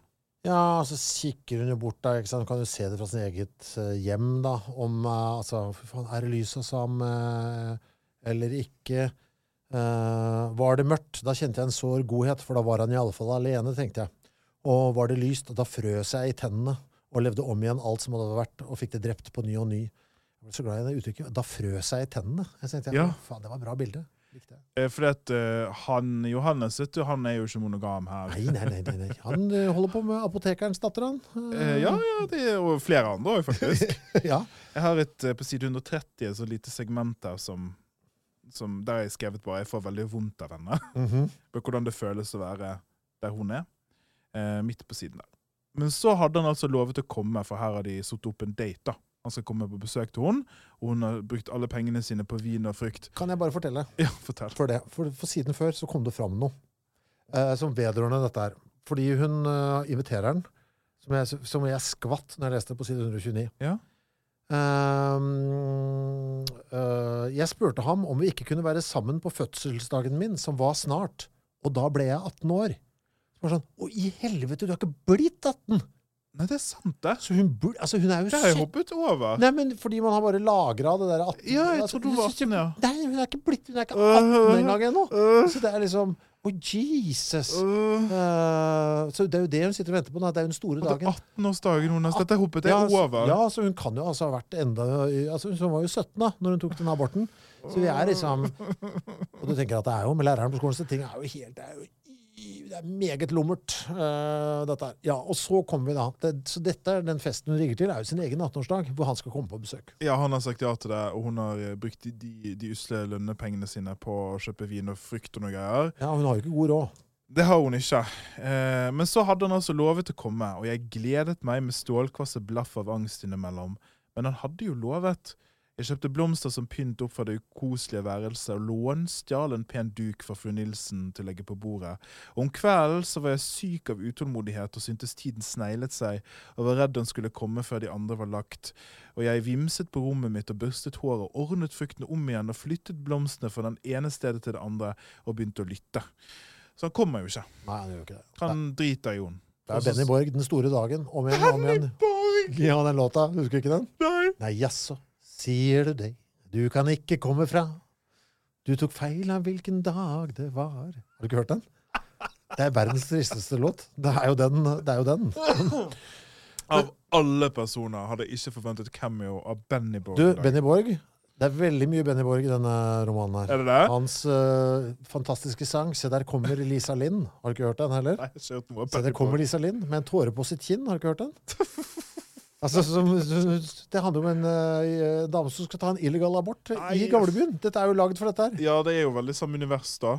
For når mannen er 13 år Altså, den er enda verre. 13 år. Ja, det er det i denne sangen. da. Det er Ja. hardt når barnet skal ha barn. Har du ikke hørt den? Nei, nei, nei, ok, dette er Benny Borg. Men OK. ok. Men, men det, Ja, ok. nok. nok. Den her føles ekte. Det gjør ikke den. Den er for drøy. Liksom. Ok. OK, hva skjedde nå? Det ja. Um, Men det som er Jo, hun eh, Ja. ja, vi må si det. Hun har jo da fått en veldig sånn rar venn. Mork. Mork, han, han blir viktig. Som er organisten i kirka på Grubben. Ja. En annen freak, altså lokalsamfunnsfreak. Ja, ingen vil ha noe med han å gjøre, fordi han er så spesiell. Ja, og drikker og er rar. Og han drar på, på liksom eh, dans, da. Mm. Der de andre gjør og står alene i et hjørne, og ingen snakker med han. Og så er det da liksom historien om to utstøtte mennesker som finner hverandre. Mork er gammel, han skal sies. Har Det skal jeg sies. Ja, jeg vet, jeg vet ikke hvor gammel ved dette tilfellet vil si. Kan hende han bare er noen og 50, for alt jeg vet. Men eh, Den eneste mannen som faktisk ikke prøver seg på den. ikke i det hele tatt. Ikke interessert. Uh, nei. Uh, han er uh, Han drikker nonstop, men du kan ikke se det på ham. Du, bare, du kan lukte det på ham. Og Altså alkoholiker. ja. ja. Og så er det da Nå er jeg på side 132, det er vel her du er, Åge? Kanskje? Mm, mm. Eh, Så driver de altså de har kommet i snakk, og Det er, liksom, det er litt sånn fint og ømt òg, for det er liksom den første personen som bryr seg om henne. Mm. på en måte, Og de har en, en genuin diskusjon og dialog. Og så driver han og låser de inn i kirken, for han er jo organist i kirken. Ja. Selv om de aller fleste syns at det er noe dritt at han skal ut av den kirken, for han er jo alkoholiker. sant? Ja. Eh, og så spiller han for henne, da. Mm. Eh, på or orgelet, da. Og eh, det er liksom Vi skal tilbake der etterpå, eller seinere. Men hun har liksom en sånn slags Jeg vet ikke hva vi skal kalle det. Jeg- Det er skrevet som notat for meg sjøl. Det er at dette er magisk. Nå er jeg på side 184 og 135. Skal vi bare lese det? Ja, hun får jo en, altså, får jo en sånn, hva skal vi si En sånn, En sånn vekkelse, på en måte. Uh, ja, åpenbaring av et eller annet slag. Ja, Det er nesten religiøst, men ikke kristent, Ja. syns jeg. Ja, ja. Skal vi bare ta det? Ja. Jeg syns det er så fint. Kanskje jeg leser første halvdel, altså det som du andre, da. Mm. Han sa, nå skal jeg spille den rikdommen som er menneskets rett, og den styrken som ligger bortgjemt i den selv, og det håpet som skal ta den styrken i bruk. Ja, nå skal jeg spille trossen for deg, og opprøret, og den virkeligheten hvor menneskelykken ligger, og venter på at menneskene skal komme og ta den. Ta den selv. De skal ta den selv. Og da han sa det siste, hadde han knyttet hendene, og stemmen hans brast. Og så var det stille en lang stund.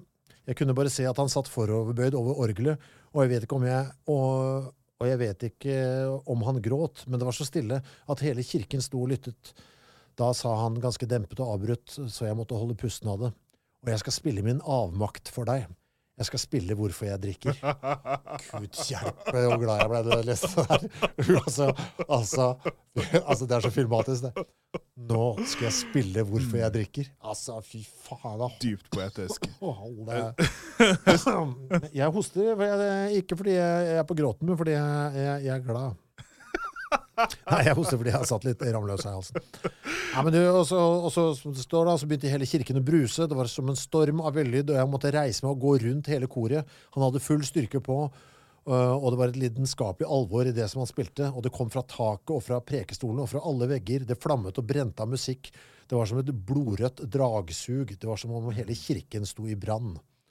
Og dette, ja, og dette er jo altså, dette er jo øyeblikk som jeg har opplevd. Ja, samme her. Sant? Det er jo. Og det er det ja, beste. det er det beste. Nå, altså, det er ikke plass, vet du, nå er bare hele hodet mitt er lyd og emosjoner. Det blir ikke Mm. bedre enn det, vet du. Og det er så viktig, for dette, dette har litt med hennes personlige vekst å gjøre. Nå oppdager hun noe inni seg sjøl mm. som ikke har med menn å gjøre, som ikke har med familien å gjøre, som ikke har med kirken å gjøre, som er bare hennes private ting, og som fins inni henne, og som er en reaksjon da på denne spillingen. Og jeg syns det er så modig av forfatteren å gjøre det ikke verbalt. Mm. Skjønner du? Ja, Det ikke, han sier 'nå skal jeg spille for deg' hvorfor jeg drikker. Han forteller det ikke. Ja, det var deilig. Eh, slutten av kapittelet, så da går de ut da, derfra. Ja, her kommer det. Eh, da så han på meg med et lite smil fullt av bitterhet. Han så på månen og på meg, og så sa han med en dødsens trøtt stemme. Menneskene er så svake for måneskinn. Det blender dem ikke, det brenner dem ikke. Så gikk vi og tidde lenge. Da vi skiltes, sa han, av måneskinn gror det ingenting. Øh, Det er først der den kom. Fikk gåser. På side 137. Der kom tittelen. Jeg blir alltid så glad jeg, når jeg får når jeg leser en bok, og så dukker Titteldropping heter det, vet du. Ja, det heter det. Ja, det. heter det.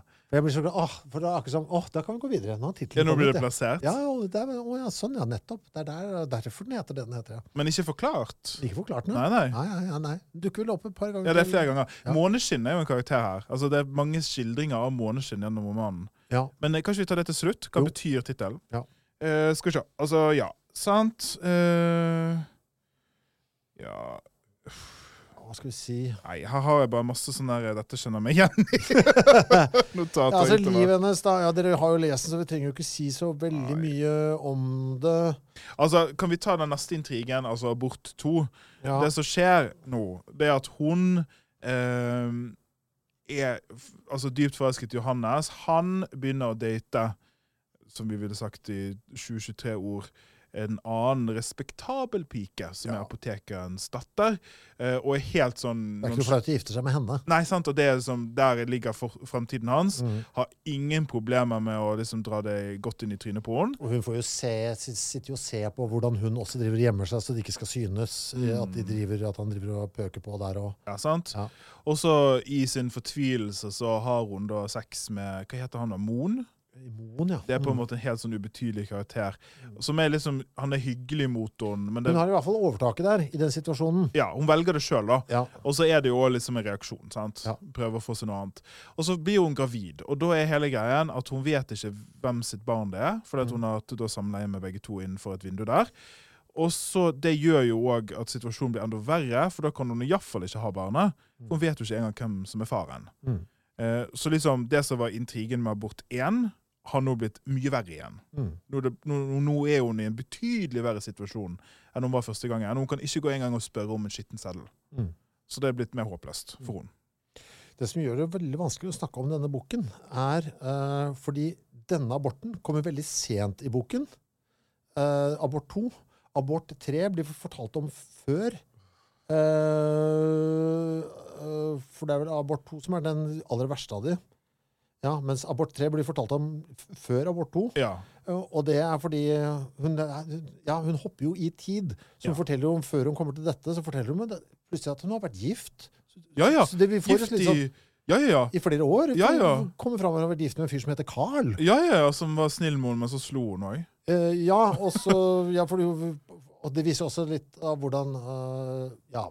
Så hun hopper veldig i tid der. Ja. Forteller om dette. Ja, og så ble jeg gift. Men jeg ble gift, jeg òg. Altså, Det er en jo... som het Carl. Ja. Og og Som var rik òg, faktisk. Ja, og hun stjal til og med litt penger han, og ga til Johannes. Ja, for var, Johannes var blitt så stusslig på sine eldre dager. Ja, så hun, er jo, så hun slipper jo aldri dette, men hun liksom har et liv imellom her. Ja. Og så blir det jo slutt, da, selvfølgelig, fordi hun jo tatt i å stjålet penger fra Ja, og- Carl. Og han ja, Ja, noe, og han var utro med to damer samtidig. Det var noe greier der òg, altså. Litt rabalder. Litt rabalder var Og så kommer du fram litt sånn i en bisetning også at hun også da faktisk hadde en liten sånn Hun ble jo prostituert på et tidspunkt. Det, og det er bare en sånn i en sånn forbifarten-aktig greie. Uh, ja, akkurat på dette tidspunktet så, det, så Det går er mye. Nå går er mye. fort, for nå hopper hun veldig mellom tid. Ja, men jeg må bare rekke å fortelle deg. Ja, sant. For det hun egentlig veldig, har lyst til å fortelle om, er jo denne hvor jævlig den ene aborten her var. Mm. Og hvor drøyt det var. Men hun må bare rekke å fortelle. Ja, så var jeg gift med Carl også. Ja. Og der ble det også en abort, forresten. Så ja, bla, bla, bla, bla, bla. Og det er abort tre, da. ja det er abort tre. Eh, bare sånn, det, jeg, ikke, jeg håper ikke det er respektløst å kalle det abort 1, 2 og 3. Det bare gir det litt lettere å orientere seg her.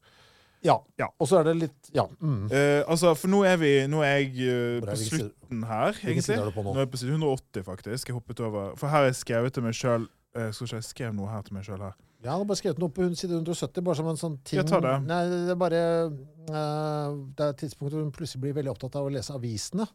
Ja, det er fint. Ta med deg. Ja, eh, jeg bestemte meg for at jeg ville ta med meg hjem aviser fra butikken og lese alle sorter aviser for å se om det ikke fantes noe som kunne få alle de forvirrede trådene mine til å møtes. For det er jævlig fint beskrevet i boken. Ja, det det, er helt umulig for meg å forklare det. Men hvordan det der ønsket Hun begynner jo å se systemer i Ja, Hun vokser jo som menneske, sant? Ja, og det er jævla, det er jævla lekkert gjort, syns jeg. Eh, Fordi hun, hun Det er litt Nå kommer det der, eh, det der med sosialismen og streiken inn igjen. ja. Det har hun observert før og ikke helt forstått og forholdt seg til. Hun har bare sett konsekvensen av at faren var hjemme Mm. når det var streik. Og så begynner det å våkne noe i henne. Litt sånn som skjer med alle, de fleste av oss når vi blir 18-19-20 der. Mm. Våkner et sånn ønske om å forstå og se utover seg sjøl. Og da løser hun det med å bare kjøpe alle avisene. Ja, og lese også, for hun har jo, det, sånn- det bor jo en liten sosialist inni henne her. Ja, og det bor Hun er veldig glad i bøker òg. Mm. Så bor en liten sånn lærd. Altså, Hennes relasjon til Johannes er at han sier til henne at du var en god elev. Mm. Og hun føler sjøl på et ønske om at hun skulle gått videre, men hun har ikke penger til det. Ja. Så det er en liten sånn smarting inni der òg. Eh, skal vi ta alt det fæle, Ja, fæle, er det, fæle Du var på side rundt 180, var det det du sa? Ja, så nå uh, nå, er vi, nå er vi helt på slutten her, Mhm. så nå det som, Bare som vi må ha en liten bombe til her òg, syns jeg. Mm. Nå er på side 181. Så Ja. nå er vi i nåtidsplanen igjen. Ja, for da skvatt jeg. Ja, da skvatt jeg òg. Skal jeg ta det, eller vil du? Jeg har gått meg hus forbi. Nei, ta den, du. Ja. Eh, du, jeg skal dø snart. What? Det blir en langsom og pinefull død, og jeg har verken mer mot igjen eller vilje til å hjelpe på å få en ende på det. Har jeg fortalt deg dette? Jeg har fått vite det i dag. Endelig sa de sannheten. Det ble sagt slik. De behøver ikke fortvile. Det er mange som lever med det i flere år, og det kan være perioder uten smerte. Ja ja, nå er det ikke mer å gjøre ved den tingen. Uh, Og det var teksten, det var ikke deg. ja, det, det var, ja, det var te- Bare sånn det ja, fordi eh, det er også flott, da, for hun har jo spist uh, piller et par ganger i løpet Ja, av boken her. Litt sånn uh, tips eh, som er lagt inn av forfatteren. Vi har ikke helt skjønt hva det er. Nei, altså har jeg, vet for det har vært så mye annet bråk her. Så jeg, har liksom, jeg har faktisk ikke liksom men det er, Jeg er sikker på at hvis jeg leser boka på nytt, så vil det være ganske tydelig for meg. Jeg Er helt sikker på. Eller Jeg fikk følelsen da jeg leste det at det kom til å komme opp. Ja. Eh, men altså hun er denne personen som han har plukket opp tilfeldigvis der, har hatt denne historien å fortelle, Mm. og har fått vite den samme dagen at hun skal dø. Og det gir på en måte litt mening hvorfor hun hopper på det toget her. Mhm. Skjønner du? Ja, fordi nå er det ingenting Nå er det over. Ja, det er sånn, Nå må det bare ut. Og hun har også, på dette tidspunktet så har det blitt mer og mer klart at altså, det som er så fælt her, sånn ekstra lag med fælt ikke sant? Vi har jo skjønt at det er blitt flere aborter her. Men hun har jo lyst på barn. Altså, Ja. Hun er jo Men hun vil ikke oppdra det, Altså det, i, til å ha det jævlig. nei, det, vil, hvis situasjonen bare ja, Hadde det vært mulig å oppdra eh, barn ha- som alenemor, så hadde hun gjort det, liksom. ja, sant, Hun ville ha første barn, hun ville ha andre barn, hun ville ha tredje barn. Hun ville Ja. ha alle disse barna. Og så er det, det er ikke hun som er problemet, det er samfunnet og vilkårene. Ja. Og så som kommer opp hele tiden her, eh, så er det sånn at hvis du får barn utenfor ekteskapet, Mm. så er det barnet dødsdømt, liksom. Altså ikke sånn, du blir ikke drept, men det er, en, det er avstøtt av samfunnet. For det er en synd. Du har født en synd. Og det er så brutalt. Hun sier jo faktisk dette på side 187 også, dette Mm. giftermålet med denne Carl. Da, som hun, dette, det kommer ikke så mye fram av han, altså. Hun skriver, sier jo da Så giftet vi oss altså. Jeg giftet meg med Carl for å få det godt, for å ha det varmt bestandig og ingen bekymringer for å klare meg. Bare rein trygghet. Han var snill, det er alt jeg kan si. Han slo meg noen ganger, men det var senere. Det var min egen skyld. Det var Johannes. Ikke nok med at jeg bedro Carl, men jeg ga Johannes penger. Det var de pengene som gjorde at det ble oppdaget. Men hvorfor forteller jeg deg dette nå? Og ja, det var, eh, det var det at vi kan jo gifte oss om vi vil ha barn. Jo da, og jeg ville ha barn. Mm. Ja, Det var en av de tingene som fikk meg til å overvinne min uvilje mot Carl. Så hun gifter seg da med han For å endelig få ha et barn. ja, i trygge omgivelser. Og så Altså, går ikke det heller. nei, og så var jo akkurat det hun liksom slang dritt om uh, vedrørende søsteren. da, på en måte Mm. At det blir jo da gledesløst, men det er bare praktikalitet. praktikaliteter. Ja. Sant? Ja. Eh, Så har vi da mitt neste Altså det er den saftige, fæle, grusomme slutten, har jeg. Det du siste. nå, Nei, nå er jeg på side 201. Ja. Jeg vet ikke om du har noe før vi skal Altså, fy faen så mye krutt du kan putte i de siste fire sidene. altså, for du er jo nå på side 200. og Boka er på 207 sider. Eh, Ja. eh, nei, 208 sider. Og det slutter altså med et Det er på en måte bare sånn Ja. bow, Ja, bow, ja, for bow. du, der kom den på, på sider så seint. 198 så kommer den. Altså, Da er det altså under ti sider igjen. Ja, du, det har hendt meg Mm. siden at jeg har solgt meg for en natt. Det har hendt meg mange ganger. Ja, for en tid var det ofte. Det var i den tiden der, da var det nesten umulig å få noen jobb. Selv husposter. En skulle ha attester. En selger seg for en natt. Ja, det er en reell handel. Det er ikke annet enn eh, det som de gir seg ut for. Og så får du de pengene du må ha for å kunne spise den første middagen på en uke, eller til husleien. Men ekteskapet, det er svindel, fordi det blir kalt hellig, ja, ukrenkelig. Uh, ja. Uh, det er så bra. Den også blir bare kasta inn. Det er, det er mates på slutten. Ja, sånn altså. by the way. Ja. Uh, og ja, så er vi på slutten. Og det som skjer nå, Mm. det er Kanskje er det, Nei, det er faen meg verste jeg har fælt, altså. lest. ja, det var altså så for faen i helvete. Ja, Det var... Og det kommer altså Fy faen, og det mates på eh, Snakk om å døtte Altså, det der er på side 199.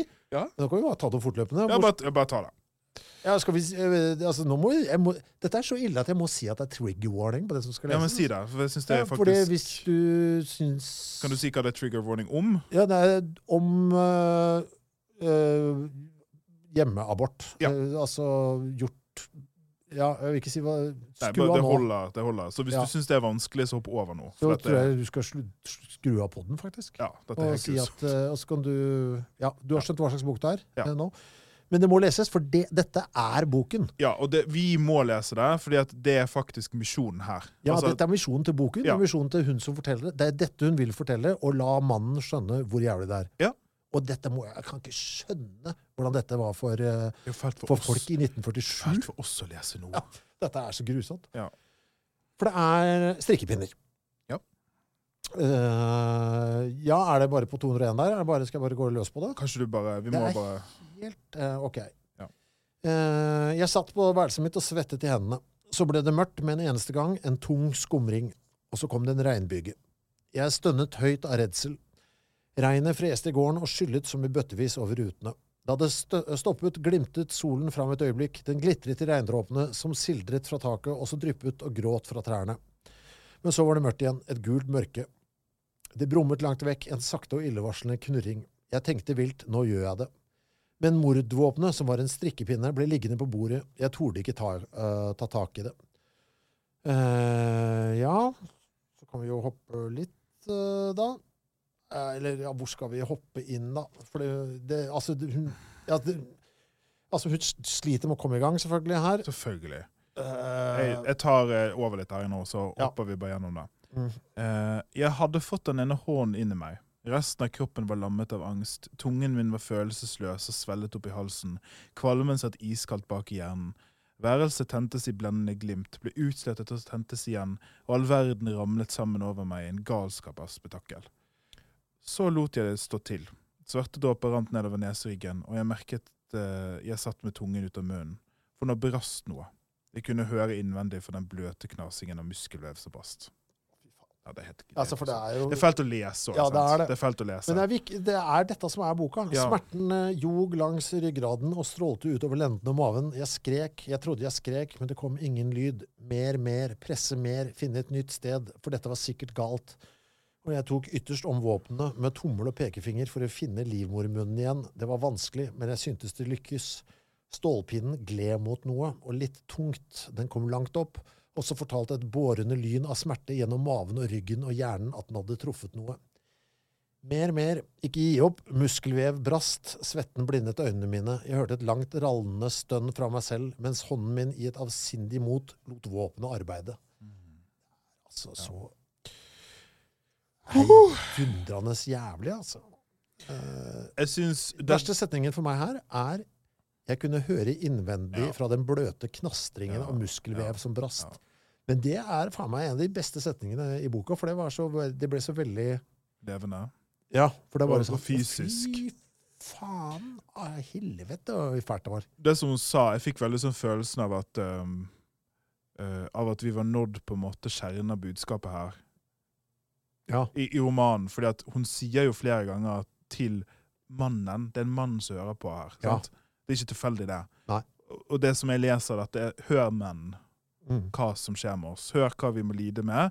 Hør hvordan det føles. Hør hvor sjelopprivende det er å være gjennom dette. Og grunnen til at det skjer menn, er jo av dere. Mm. Sant? Systemet som dere har rigga. Ja, som, er, som er rigget til her.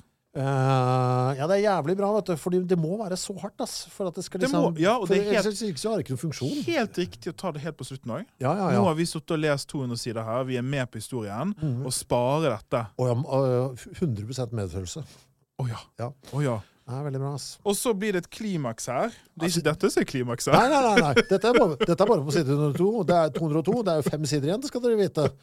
Fordi, Her har jeg bare Vi skal ta hva det er, men jeg må nei, det er så filmatisk. Det er er gale, Mathias. Jeg, jeg, har lyst jeg har ikke lyst til å se den TV-teateroppsetningen av dette som ble gjort.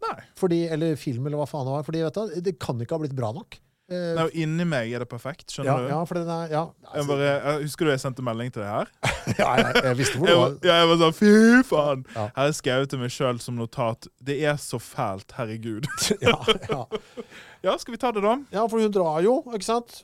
Dette har skjedd, og det eh, Ja, det sier seg sjøl at uh, her no, Hun må jo gjøre noe, og hva kan jeg gjøre? Når var den siste liksom store opplevelsene jeg hadde av noe sånn åndelig karakter, det var jo i kirka. Mm. Med orgelet som ble spilt av Mork. Ja, så, og da, nå er det gudstjeneste. Mork skal spille, jeg drar til kirka. Så det gjør hun. Ja, det gjør hun. Jeg sitter seg ned der, og så øh, eh, skjer det flere ting. Det skjer mye. Ja, det skjer Det skjer mye. Det er fire På en side. det skjer, skjer mye. Ja. Ja, jeg vet ja, hun kjenner det, at det hun har gjort, da eh, denne Altså, hjemmeaborten begynner eh, Altså, det, det går galt eh, der. Så Og uh, Mork er Vet ikke, han er uh, på maks, skal vi si. Han han har bare Han har også tenkt fuck it, i Mm. gangen, så han går bananas bak kirkeorgelet akkurat denne dagen. Og det har vært bygd litt opp til det også. Uh, Ja, det har det. ja, for de har hatt noen dialoger, sånn der, så de har pressa hverandre litt, begge to. Og han skal liksom vise seg Ja. Altså, for Han har en bakhistorie som, som, som er en sånn altså han, Hans misjon i livet er å være pianist. Ja. Og gi seg sjøl til det. Og så er han drita full, da, og nå er det dagen alt skal briste for han, og han spiller da altså syndig musikk. Ja. Så det står her, fra veggene og taket kom det et rasende flammehav av musikk. Kirken sto i brann. Og det er sånn at hele, altså de, hele kirken er jo i Hva faen er det som skjer? Ja, Folk liksom eh, blir sjokkert over det de får høre, og alle bare gisper og sånn. Og midt oppi dette Ja, Så de går opp og stopper han, da. Ja, sant. Dette, dette kan ikke vi ha i kirken vår. Mm. Og midt oppi dette, da, så eh, altså det, hun, Jeg syns hun skal få lov å si det sjøl, ikke med mine ord. Nå er jeg på side 206. Ja. Eh, jeg snek meg mellom gravene og gjemte meg i redskapshuset. Der satt jeg kroken på, og der ble jeg til det skummet om kvelden. Der satt jeg på gulvet og hakket tenner og jamret meg stille. Inni lommetørkleet mitt hadde jeg det. Jeg hadde samlet det opp og gjemt det inn i lommetørkleet mitt. Det var ikke stort, ikke annet enn en slimete blodklump som luktet vondt. Likevel synes jeg maven og hjernen og hjertet og alt ville drives ut av meg da det kom. Så det er fosteret. For det skjedde jo da i kirka, selvfølgelig. Mens dette på. Ja, for det kom jo altså, hun, blir jo, hun kjenner jo mens han spiller, at det på en måte skjer uh, der. Så hun må jo bli sittende igjen der, fordi det er jo Ja. Eh, for klærne mine var ødelagt, jeg kunne ikke vise meg for noen, og smertene suget gjennom meg, og bølger av varmt blod skyllet ut av meg. Jeg kom meg ut av den tomme kirken til slutt, uten at klokker Holmsen merket det. Det var spor etter meg hvor jeg gikk, røde spor på kirkens hellige gulv. Og med da fosteret i en lommetørkle. og Altså så- barnet sitt, da. ja. Og så det her, her mista jeg det. Her, her var det nok. Her var det nok. Ja, for det blir for mye, vet du. Men, men det alt, altså, jeg skjønner ikke at det går Det som er litt av styrken i boka, er at de klarer å dra på så voldsomt. Ja, For det er troverdig, sant? Og så Det er likevel ikke- så tror jeg på det, for dette, det er over the top, liksom. Ja da, Altså, det er jo dramatisert, Men men det funka jo. fun for jeg, jeg er i det, sant? Jeg Ja. kjøper det, og det er gjort med en ærlighet. Ja, jeg skjønner. Det For er det, det som er håndverket her. At jeg faktisk, for det er jo altså blodspor gjennom kirka. Ja, kirken, altså. gal klokker, og det er Organisten har ikke likka. Foster i en Ja. lommetørkle. Et drama. Også, ja, men ta det videre, for det er ikke ferdig. På Nei, så kommer det her, her begynner jo jeg bare å grine, selvfølgelig. For da har hun gitt navn til fosteret. sant? Ja, det er helt forferdelig. Marie blir navnet. Og så graver hun ned det lille fosteret her. Eh, Jeg fant en fattig og forsømt grav med et skjevt trekors med en blikkplate som navnet nesten var visket ut på. Det var bare i troen på sin frelse som kunne leses, og fornavnet Maria.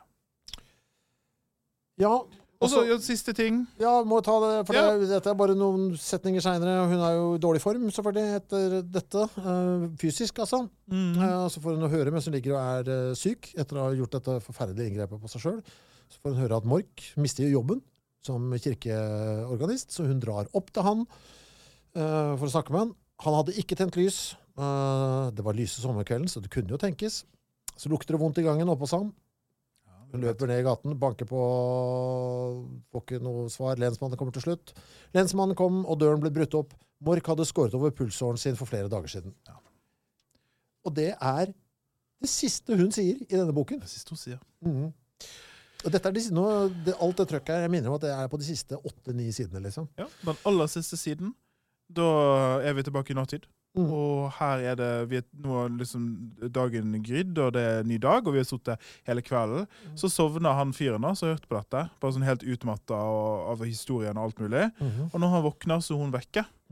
Og så drar han på jakt etter henne. Og finner henne ikke. Nei. Jeg har ikke funnet henne. Ikke ennå. Uh, hvis han hadde en tanke om at uh, Han hadde jo en sånn Når han dro ut der og møtte henne første gangen, så var han litt usikker på om hun kanskje var en prostituert. Ja, og det var, jeg føler det var litt sånn en del av det han var interessert i. Ja, kanskje i. dette blir en liten handel. Uh, og det har hun jo også vært. Det sa hun jo. Ja, det har hun vært. Uh, der, så jeg vet ikke. Men uh, jeg lurer på For det er noe det sier Det er også faktisk en jævla viktig del av storyen her. da. Du vet liksom Ja, det er litt sånn Hun sier dette også. Du skulle, det er skjebner bak alt mulig her. Mm. Nei, fy faen, det var bra, ass. Faen, så bra det var. Var ikke det jævlig bra? Hæ? Visste ikke, like, visste ikke at det skulle være så bra. Ikke heller. Som, altså, takk til deg, da. Og, Ja, det- For dette, at, at denne podden fins. For den her, det sa jeg vel også i en liten snutt her. Den boka her hadde jeg, jeg hadde gått i grava uten å ha lest den. Ja, jeg. Jeg hadde, jeg hadde ikke falt meg inn.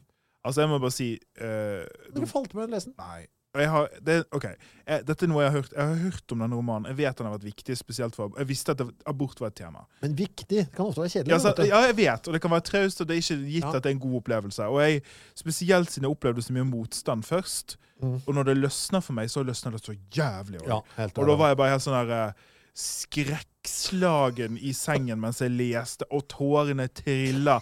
Og jeg, det sinne og raseriet og orgelet og blod i kirken. Og jeg var bare sånn der Halleluja!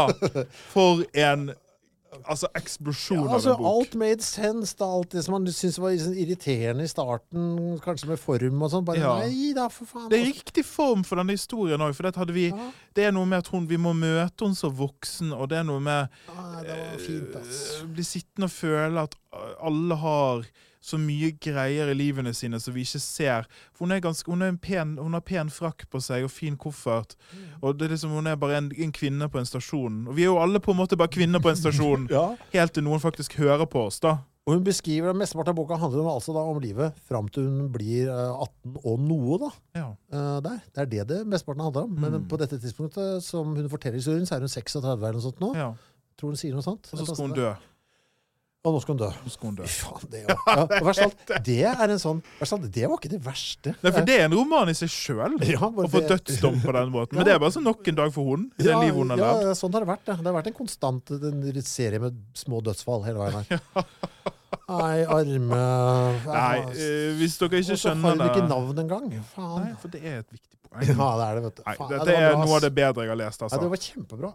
Eh, det er jo med skam! kraftig roman. Ja, den var god. Og så, så kort, da, gitt. Ja. Så, så kort og så mye trøkk. Jeg håper Nå er det du Nå er det liksom favoritt Nå er det favorittøyeblikket mitt, egentlig. Jeg syns det? Ja, Ja. men du, nå Har du valgt det? Jeg har gått utafor Jeg har gått utafor boksen, min gode mann. Har du det? Nei, ikke utafor boksen. Jeg, jeg, tror jeg har gått utafor boksen din. Litt. Nei, men du, jeg måtte bare Dette egentlig, Du skulle bli litt kjent med meg også. Eh, I denne podden. Ikke Ja. sant? Nå er jeg veldig spent. Så jeg har uh, valgt uh, bok som jeg ikke har lest. Ok. For det føler jeg Det, det må jeg. Ja, ja, ja. Eh, men jeg har lest mye av denne forfatteren. OK. Eh, og jeg ble skremt uh, når jeg så hvor mye jeg hadde lest av denne forfatteren. For det måtte jeg sjekke litt før jeg kom hit i dag. Så jeg, nei, du, dette, dette, kan, dette kan ikke være sant. Dette er altså, nå skal vi lese, dette er den 37. boken av denne forfatteren som jeg skal lese. What?! Jeg vet. Det er jo skremmende. Hvem all Å, er det noe sånn Å, er det noe Kan jeg gjette noe? Ja. Er, og du sitter der med det lureste smilet jeg noen gang har sett. Nå har du valgt noe lurt. Er dette noe litt sånn der, eh, Det må jo være noe serieaktig, da, hvis det er 37 bøker du har lest? Nei, han er litt ivrig. Altså, innimellom, for bøker, litteratur, er mye rart. Ikke sant? ja, men ikke Akkurat som Vil du si at smågodt er mat? Ja, ikke sant? På en måte. Det er et næringsmiddel. Og vi er helt i bare- kanten nå, hører jeg. Ja, vi er, i, ran, vi er i randsonen for oh, litteratur. er- Men dette leser jeg da uh, sånn Jeg leser tre-fire av han her i året. Og det er liksom for å vaske hjernen litt. akkurat sånn, vet du, Nå trenger jeg ikke Så her, ikke sant, Torborg. Sosialrealisme på sånn stenhårt. og Ja, sånn, sånn, sånn. tungt, sant? Og Ja, mye, tungt, men, ja. og, men deilig. Det er fint. Og så av og til så må jeg bare vaske hjernen med noe helt annet. Okay. Uh, som ikke er sånn.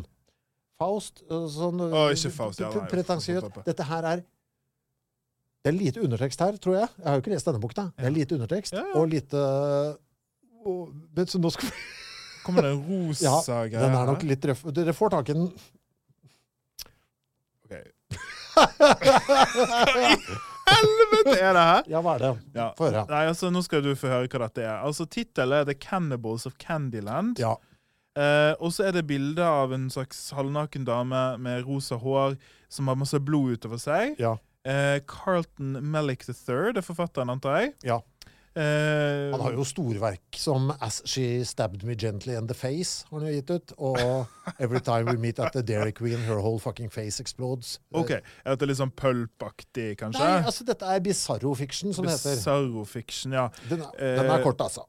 Eh, Kjempestore bokstaver og 145 sider. Kanskje jeg bare gi, litt sånn, lese litt fra baksiden her, så alle kommer i stemning på hva vi skal lese Mhm. denne måneden.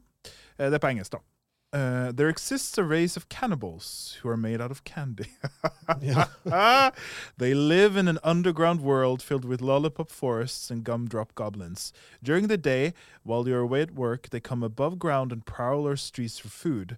They are prey are children. Nei, your children, faktisk. Ja. They lure young boys and girls to them with a sweet scent and bright, colorful candy coating, then rip them apart with razor sharp teeth and claws. Ok, eh, Jeg skal si nå, altså som sagt altså, Ikke alle bøkene hans er gode. eh, Det er fint, det. men uh, jeg, ingen av de er kjedelige. Det er aldri kjedelig. Eh, det har ikke forekommet. Og jeg tror det er derfor jeg av og til vet du, jeg, Akkurat som jeg bare jeg renser munnen eh, med den Men jeg skjønner hva dette Jeg skjønner veldig godt det er jo, Han har jo en portefølje baki med alle bøkene sine. Da Her har vi jo eh, sånne ting som Satan Burger. Eh, ja, den, har jeg, den har jeg faktisk ikke fått lest. Eller kanskje denne Du har lest denne Razor Wire Pubic Hair? Eh, nei, for dette er de tidlige bøkene hans. Og det er jo Baby Jesus Buttplug! ja, da, han, Den har jo jeg lest! Ja, det er han. Mm, men jeg kom inn litt sånn seint. Så jeg kom inn omtrent på Haunted Vagina og Sausage Santa og Ja. de bøkene der. Ja. Nettopp. Uh, Eh, de bøkene der. Haunted Vagina, ja. Den Jeg prøvde å kjøpe Adolf i Wonderland, men den, andre, Eller War Slut. ja, den er ikke så bra heller. Sausage Santa.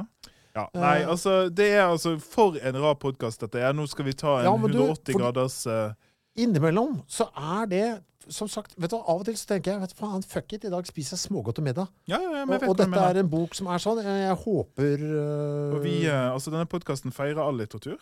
Ja, det er akkurat det vi gjør. Så jeg, bare kasta inn en sånn en inn Ja, i rommet. fint, Jeg, skal, uh, jeg hadde bare lyst til å lese den. Det er veldig fint, det. Eh, og den er, for de av dere som nå eh, kanskje har fått litt nok klassikere, så er det en god anledning til å hoppe på toget. Dette er en sånn kjempestor font og veldig god plass på Ja. siden. Dette er en sånn lett eh, leseopplevelse. og den øh, blir levert deg ganske fort. Det fins på alt av Kindle osv. osv. selvfølgelig. Og så Den kommer i postkassa mi i løpet av en uke, altså. Uh, The Cannibals of Candyland. Og du leser den uh, på en ettermiddag, for den er veldig kort. Og, men det er, det, på engelsk er, Han er bare oversatt til spansk, tror jeg. Uh, faktisk. Uh, det er det jeg ser. Jeg driver og blar og leser setninger. Dette kommer til å bli en vill, vill tur, ass. Ja, det blir eh, Wild ride. Det er, eh, men det er for meg som jeg leste ja, Vi kan ta det når vi kommer dit. Men det er den hylleste, den hylleste fantasien. Det er det noe jeg liker med det. OK. Ja. OK. Nei, men du, kjempefint. Eh, Vi ses om en måned. Da er det altså The Cannibals of Candyland. Jeg skammer meg litt òg, vet du. Men jeg vet at, men jeg vet at du ikke kommer til å kjede deg. Det er det jeg vet. Jeg gleder meg. jeg gleder meg. Ha det. Ha det. Hi, I'm Daniel, founder of Pretty Litter. Did you know cats tend to hide symptoms of sickness and pain? I learned this the hard way after losing my cat, Gingy. So I created Pretty Litter, a health monitoring litter that helps detect early signs of illness by changing colors, saving you money and potentially your cat's life. Pretty Litter is veterinarian developed, and it's the easiest way to keep tabs on your fur baby's health right at home. Go to prettylitter.com and use code ACAST for 20% off your first order and a free cat toy. Terms and conditions apply. See site for details. Hey, it's Paige DeSorbo from Giggly Squad. High quality fashion without the price tag. Say hello to Quince. I'm snagging high-end essentials like cozy cashmere sweaters, sleek leather jackets, fine jewelry, and so much more. With Quince being 50 to 80% less than similar brands. And they partner with factories that prioritize safe, ethical, and responsible manufacturing. I love that. Luxury quality within reach. Go to quince.com slash style to get free shipping and 365 day returns on your next order. Quince.com slash style. Hey, it's Paige DeSorbo from Giggly Squad. High quality fashion without the price tag. Say hello to Quince. I'm snagging high-end essentials like cozy cashmere sweaters, sleek leather jackets, fine jewelry, and so much more. With Quince being 50 to 80% less than similar brands. And they partner with factories that prioritize safe, ethical, and responsible manufacturing. I love that. Luxury quality within reach. Go to quince.com slash style to get free shipping and 365 day returns on your next order. Quince.com slash style.